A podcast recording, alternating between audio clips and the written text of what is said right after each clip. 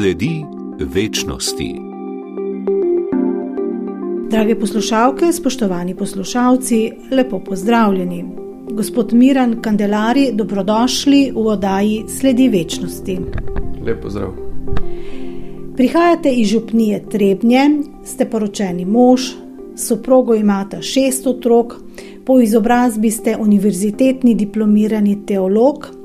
Trenutno ste zaposleni kot vodja oddelka obsojencev na dobu, ste nekdani direktor ljubljanskih zaporov. Soprogo skupaj vodita skupnost Emanuel v Sloveniji, gre za mednarodno združenje vernikov. Oktobra lani pa ste nastopili službo stalnega diakona v Novomeški škofiji. Kdo ali kaj vas je nagovorilo, da ste nastopili službo stalnega diakona? Ja, sam povod ali pa zadnji povod, ne, zato je bil klic škofa, takrat Andreja Glavana, ki me je poklical in vprašal, če bi me zanimalo upravljati to službo, oziroma če bi se pridružil skupini, ki se pripravlja na, na posvečenje za stalnega diakona. Je pa seveda taka stvar zoril človeku dlje časa in jaz mislim, kot bi rekel, da uh, so bila hitro oglašena, nekaj on mene poklical, rekel, se je v meni sprožilo eno, ena, ena resonanca na to, ta njegov klic, in se mi zdi, sem čisto spontano odgovoril z veseljem. Seveda je bilo pa potrebno še kar nekaj vprašanj ustaviti meni in moje družini, ženi predvsem. Ne.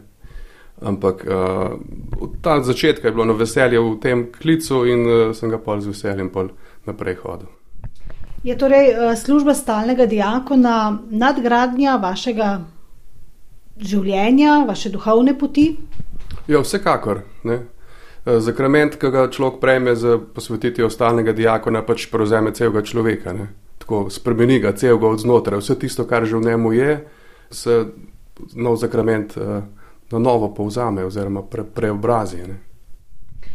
V katoliški cerkvi na slovenskem je vse manj duhovnikov in vse starejši so. Ta ugotovitev ne velja le za katoliško cerkev na slovenskem, to je v bistvu, če rečemo, problem cerkve v zahodnem svetu.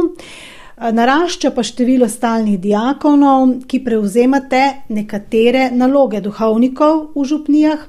V letnem poročilu Slovenske škofovske konference za leto 2022 lahko preberemo, da je v katoliški cerkvi v Sloveniji v letu 2021 delovalo 40 stalnih diakonov, leto pred tem 37, torej število stalnih diakonov narašča.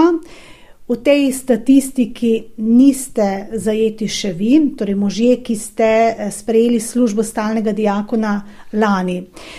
Gospod Kandelari, Kdo je lahko stalni diakon? Dejala sva že, da ste poročeni mož, imate šest otrok. Zdaj, stalni diakon je v katoliški crkvi relativno nov pojav. Ne? V njem je začela katoliška crkva razmišljati, oziroma pa se za njega odločila ponovno na drugem Vatikanskem koncilu in to ni tako dolgo nazaj. Ne? Zato ne čudi, da to število narašča, ker zdaj le šele od, od za nami prihaja ta vpliv koncila in se pravi dejansko ti poklici, ki so zdaj izhajajo še od takrat, od tega klica. Ne? Katoliška crkva ni nikoli pozabila ne, na diakonat. Diakonat je zmeraj bil, samo v glavnem je bil dolga stoletja namenjen sem tistim, ki so v nekakšnem prehodnem obdobju ne, uh, za duhovniško posvečenje. Uh, drugi vatikanski koncil pa je ugotovil, da crkva to obstaja in da to bogatstvo dejansko crkva pogreša in je ponovno spodbudil to. Ne. Diakone so lahko posvečeni moški, katoliki, in potem po posvetitvi rekel tako zdaj, lajško, se ne morejo več poročiti. Ne? Eh, se pravi, lahko pa so v diakone posvečeni tudi poročeni moški. Ne? Se pravi, tudi jaz, ki sem poročen, če bi slučajno pokne dej ovdovel, se ne morem več poročiti. Ne? Tako da je pa potrebna neka uh, osnovna uh, izobrazba. Ne? Za mene je bila stvar mečken lažja, zaradi tega, ker imam že teološko fakulteto narejeno. Tisti, ki ne se morajo teološko izobraziti, še pa staralno katehetski tečaj, Plus potem še neka daljša priprava, pa meni je to trajalo dobrih 4 leta, skoraj 5 let. Od enega razločevanja, zorenja, spraševanja, tudi zorenje odnosov z ženo. Ne. Žene so pri tem, tisti partisti, ki smo poročeni, zelo pomembne, ker tudi one morajo prispevati svoj dan. Štiri leta ste se pripravljali na službo stalnega diakona. Kljub temu, da ste vi univerzitetni diplomirani teolog, torej imate ogromno teološkega znanja. V bistvu ta priprava je bila razdeljena na dve obdobji. Prvo obdobje, eh, ki bi lahko mogoče rekli obdobje razločevanja, se pravi, kjer razmišljamo o tem, da je to res za nas poklica, smo na nas eh, skupnost Bog, smo pripravljeni to živeti. Ne? Jaz sem ta del priprave upravil po skupnosti Emanuel, eh, skupaj z, z francozi in italijani. Eh, zelo sem bil vesel, ker je bila zelo vključena tudi moja žena, Zdenka, in so na tej pripravi skupaj razločevala oba. Ko sem rekel že prej, ne, jaz, meni je bilo takoj od začetka, ko mi je škof poklical to veliko veselje in me, me je sprožilo eno, eno, eno veselje, da bi šel naprej. Žena je pa nekaj časa, mislim, za njo je pa nekaj novega mogoče, no, ampak je nekaj časa rabila, da je. Ni bilo lepo, ko smo v tej pripravi lahko uh, bili skupaj z ostalimi, že poročenimi stalnimi diakoni, ki so že 20 let mogoče diakoni. Ne? In smo lahko izmenjavali vprašanja, ne moški je z možmi in žene z ženami in skupaj. To je bilo prvo obdobje, zelo zanimivo, in potem, ko so tisti, ki se pač odločijo, grejo pa naprej. Ne? Potem drugi del je bil pa skupaj uh, Novomeška in Ljubljanska škofija, Uh, takrat je to začel, oziroma vodil Pater Silvin, v glavnem organizirati srečanja, pa uh, gospod Celestina je zdaj odgovoren za to.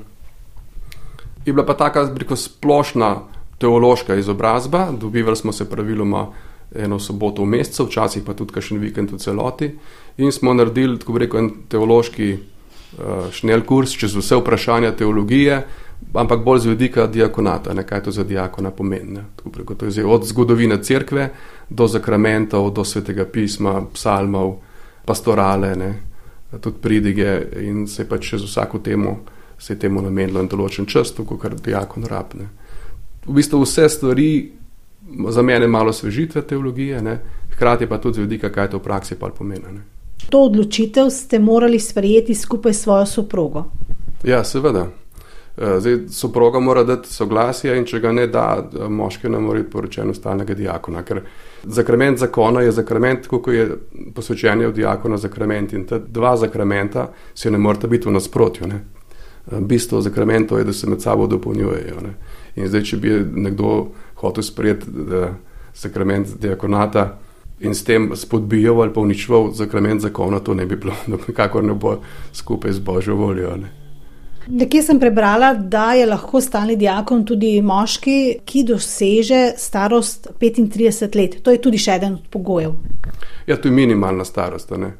Predvideno je, da so to starejši moški, oziroma starejši moški, izkušeni, potem tako rekli, ne? poročeni in eh, ne pa mlajši kot 35 let. Ja. Kaj lahko vi počnete v cerkvi, katere obrede lahko vodite, darujete? Diakon naj bi predvsem služil. Ne? To je njegova prva naloga. Ne toliko, da bi bila neka funkcija, kaj neki dela ali pa uh, nekaj, kar upravlja, ampak predvsem služenje, dejansko vsem, kar živi. Od vsega, jaz sem najprej poklican, da sem rekel družinski oče in mož, to je moja prva poklicanost kot diakona tudi, potem pa vse ostalo. Kar se tiče pa zakramenta in zakramentalo, pa lahko diakon opravlja nekatere stvari. Ne? Recimo lahko krščuje, lahko prisustuje sklepanju krščanskega zakona, recimo lahko tudi vod krščanski pogreb. Pri Euharistiji ima kar nekaj, oziroma pri Sveti Maši ima kar nekaj, lahko uh, bere Evangelija. Ne. Lahko pravi tudi različne blagoslove in, in uh, ja, blagoslavlja vem, ljudi, stvari, avtomobile in tako naprej. Pravi, tako da v nekem smislu se ta služba prekriva z duhovniško, kar je tudi čisto normalno. Ne. Niste pa vi na domestek rekla bom zelo grdo, ne, ta izraz, pa grd izraz za duhovnika. Ne, nikakor ne, to bi bila zloraba diakonata. Ne. Lahko seveda diakon tam, kaj je potreba upravljati tudi nekatere stvari, ki bi jih ne bi sicer upravljal duhovnika. Ne. Recimo, če res v enem občestvu ni uh, mašnika, ki bi lahko mašval, ne, lahko vod bogoslužje Bože besede, ki je podobno sveti maši, ne vsebuje te euharistične daritve, ampak vendarle se občestvo zbere, prebere bogoslužje, oziroma prebere Božjo besedo, evangelij, in potem se obhaja z euharistijo. Ne, ne, ampak tako da lahko na nek način nadomesti tudi duhovnika, tam, ko ga res ne, ampak to je v izrednih primerih. Ne. Kolikšni meri lahko stalni diakon nadomesti duhovnika, glede v luči dejstva, da je posvečenih oseb od cerkvi vse manj? Recimo, eno od, od nalog, ki jih diakon lahko upravlja, je tudi pridiganje. Ne? ali pa, pa predvsem znanje Božje besede, pa evangelija. Tako da jaz mislim, da v tem smislu evangelizacija ima diakon lahko močno vlogo. Ne. Pa ne, da bi ga zdaj nadomestil, ampak to je pač neka stalna naloga diakona, diakovnik in diakon, oba evangelizirati. Ampak uh, diakoni vsem, predvsem stalni, živimo v vsakdanjem življenju bolj upeti kot duhovniki in mogoče lahko z tega vidika laže nagovarjamo ljudi, ki živijo vsakdanjem življenju bolj podobno življenje nam. V kolikšni meri vas je ta služba stalnega diakona obogatila duhovno? Je ja, zelo. Mislim, jaz sem prijel zakrament. To je notranje obogatitev, to je tako preko celo, cel človek se na novo postavi. Ne. Eh, zakrament je ena velika milost, ki človeka na novo oživi. Komu bi, bi to službo svetovali? Priporočili, se pogovarjate, se družite s podobno mislečimi ljudmi, eh, globoko duhovno vernimi ljudmi, moškimi. Ja, pri poklicu gre zmeraj za srečanje dveh želja. Ne? Eh, zdaj, moja, moja volja, pa moja, moje krepenje po tem zakramentu se je srečalo s škofovo voljo. Ne? Eh, cerkev je izmeri crkvo tista, ki kliče in pripadnik ali pa vernik tisti, ki na ta klic odgovori. Ne. Tako da ne morem jaz reči, jaz mislim, da sem poklican za papeža, če ben drug tega ne vidi, tako če mal karikiramo. Tako je tudi pri diakonatu. Jaz, jaz mislim, da predvsem moški, ki imajo veselje sedeti na razpolago crkvi in ki jih tak način darovanja tudi veseli. Obstajajo tudi drugi načini darovanja. Mi v skupnosti Emanuel imamo ogromno poročenih moških in žensk, ne, ki se darujejo, ki dajo čas na razpolago za evangelizacijo drugih, ne, pa ne čutijo potrebe, da bi bili uh, diakoni ne, ali pa duhovniki. Ne. Nekateri pa. No. In potem tisti, ki pa to čutijo, naj se poglasijo pri svojemu duhovniku ali pa pri kakšnemu diakonu ali pa pri svojemu škofu in naj mu povejo, da imajo tako veselje do služenja, pa jih bomo že znali usmeriti. Ko sem se pripravljala na ta najmen pogovor, sem prebrala citat papeža Frančiška, ki pravi, da so stalni diakoni ljudje na pragu med ulico in svetiščem. Kako vi razumete to njegovo sporočilo, njegovo razlago?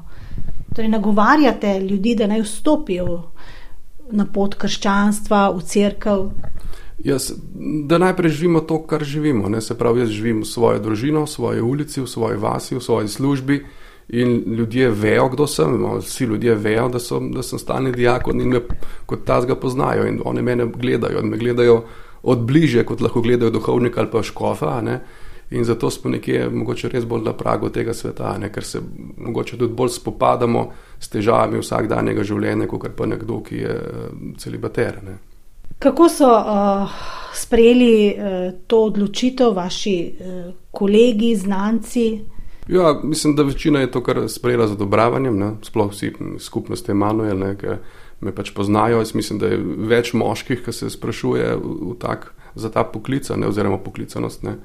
A, tako da jih nagovarjajo nekatere druge tudi. Ne? Tako da mislim, da je normalno za vsakega krščanskega človeka, da se sprašuje tudi o svojih poklicanosti v, v, v cerkvi. Ne? Koliko pa vam vzame časa ta služba stalnega diakona? Kako ste upeti v vsakodnevno življenje, ne vem, v župniji Trebnje? Ja, zdaj Škof ve, da sem jaz zaposlen in da imam družino in tako naprej. In tako, da je tudi on meni, ki mi je naložil neke službe, to vzel v, v, v misel, ki mi je to opisal. Ne.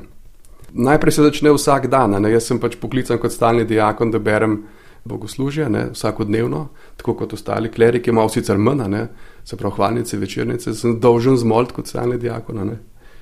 Potem v župniji pomagam predvsem v liturgiji, pri nedeljskih mašah, ne, upravljam diakonsko službo, preberem evangelij, sem zdaj kot, kot diakon reden delivc obhajila. Ne. Eh, potem škof mi je prosil, da po nekaterih slovesnostih za večje praznike sodelujem pri njegovih mašah, ne da mu pač asistiram. Potem povabljen sem tudi za neko pastoralo v, v Škofiji za odrasle, eh, ki sicer eh, moramo še ugotoviti, kakšne obrise bomo dobili, ampak razmišljamo o novih načinih evangelizacije ne, skupaj s Škofijo. Povklical me je pa tudi, da služim še naprej v skupnosti Emanuel, ker tudi sva žena odgovorna za skupnost Emanuel v Sloveniji. Je tudi neko veliko poslanstvo in ga tudi kot diakon zdaj tudi upravljam. Ne. Izpostavili ste skupnost Emanuel, kaj je njena naloga oziroma sporočilo te skupnosti? Skupnost Emanuel je javno katoliško združenje vernikov, eh, ki združuje vse verne, se pravi posvečene, se pravi duhovnike, diakone, posvečene brate in sestre, lajke, poročene, družine. In mislim, da sta dva glavna poslanstva. Ena je to, da drug drugega spodbujamo na krščanskem življenju in pomagamo drug drugemu krščansko življenje živeti v vsakdanjem življenju. Druga naloga je pa to, da poskušamo to svoje veselje nad krščanskim življenjem širiti tudi naprej in eh, drugim oznanjati Božji evangelij. Katere projekte pa znotraj skupnosti Emanuel v Sloveniji vodite? Ja, zdaj, mi, da žena, smo zadolžena predvsem kot za vodenje skupnosti kot take, da skupnost kot, kot skupnost živi. Ne. Recimo enkrat mesečno se srečujemo na vikendih, se pravi od sobote do nedelje en dan prespimo, največkrat v stični in tam pač eh, živimo, ne, slovilno molitev, pa v svetu mašo, imamo predavanja in adoracijo in tako naprej, ker svoje duhovno življenje hranimo. Ne. Potem uh, imamo eno skupino, ki se ukvarja z najstniki, pa ena skupina, ki se ukvarja z mladimi, predvsem pa živimo vsak svoje življenje. Ne? Uh, tako poskušamo evangelizirati tam, kjer smo. Ne? Veliko se ukvarjamo, recimo, tudi z zakonci, imamo pripravo na zakon, pa pol organiziramo zakonska srečanja, poletna srečanja v, v Režeju. In, in kakšen je odziv med verniki in vernicami, ko jih povabite na ta srečanja? Ta... Je ja, velik, ne? predvsem se mi zdi, da je zelo velik odziv pri mladih družinah, uh, ker pač uh, jim pokažemo, da se da krščansko živeti tudi kot družina. Ne, in da smo poklicani, kot cela družina, živimo krščansko življenje, tako da je predvsem te naše srečanje za družine, ki jih, ki jih organiziramo, vse kar dobro obiskano. Ali je stalni diakon del klera ali del lajčne javnosti v cerkvi? Formalno pravno je klerik. Ne, tudi stalni diakon bi lahko nosil tudi kolar. Kar, Ampak. Uh, Ja, je pa res, da, tako, da pa mnogi me pa še zmeraj vidijo kot nek, nek umesen člen, kar je dejansko na nek način mogoče tudi res, ampak formalno pravno smo pa kleriki. Ja. Gospod Kandelari, ste oče šestih otrok, živite skupaj eh, s soprogo. Verjetno si duhovniškega oziroma težko predstavljati, da ne, da ne bi imeli družine, da ne bi živeli takšno življenje, kot ga živite znotraj cerkve. Ja, seveda. Mislim, to je pač Bog me je poklical tako življenje. Ne? Jaz sem vesel, da sem oče, hvala Bogu, da imam šest otrok, sem pač vesel vse za te darove. In kakšen pa drugačen ne bom kot taka, ne? tak je to, jaz sem. Ta zga me je poklical in zdaj vse, kar me kliče naprej, me kliče na podlage tega, kar sem. Ne? Dejala pa sem, da ste tudi zaposlen v slovenskih zaporih. Delate z ljudmi eh, tam, ki so prestopili meje zakonitosti, meje tega, kar je prav, koliko vam pa pri tem pomaga vera, pri delu z zaporniki, z ljudmi, ki so z zapahi. Ja, vera kot uh, taka mi pač da nek optimizem do ljudi. Uh, Zmeri verjamemo, da je človek poklican k odrešenju, ne, se pravi k, k nekemu boljšemu stanju. In v tem primeru, da pač ne, mislim, da nekdo, ki je veren nad človekom, ne sme nikoli obupati. Ne. Gospod Kandelari, ob koncu najnega pogovora, kakšno željo imate, načrte na področju, naprimer, stalnega diakona? Črti, ne vem. Jaz sem še relativno nov v tem poklicu, tako da nekatere stvari še odkrivam. Jaz mislim, da Bog ima še kakšne načrte z mano in jih bom pač z veseljem sprejel. Najlepša hvala za pogovor. Hvala tudi vam.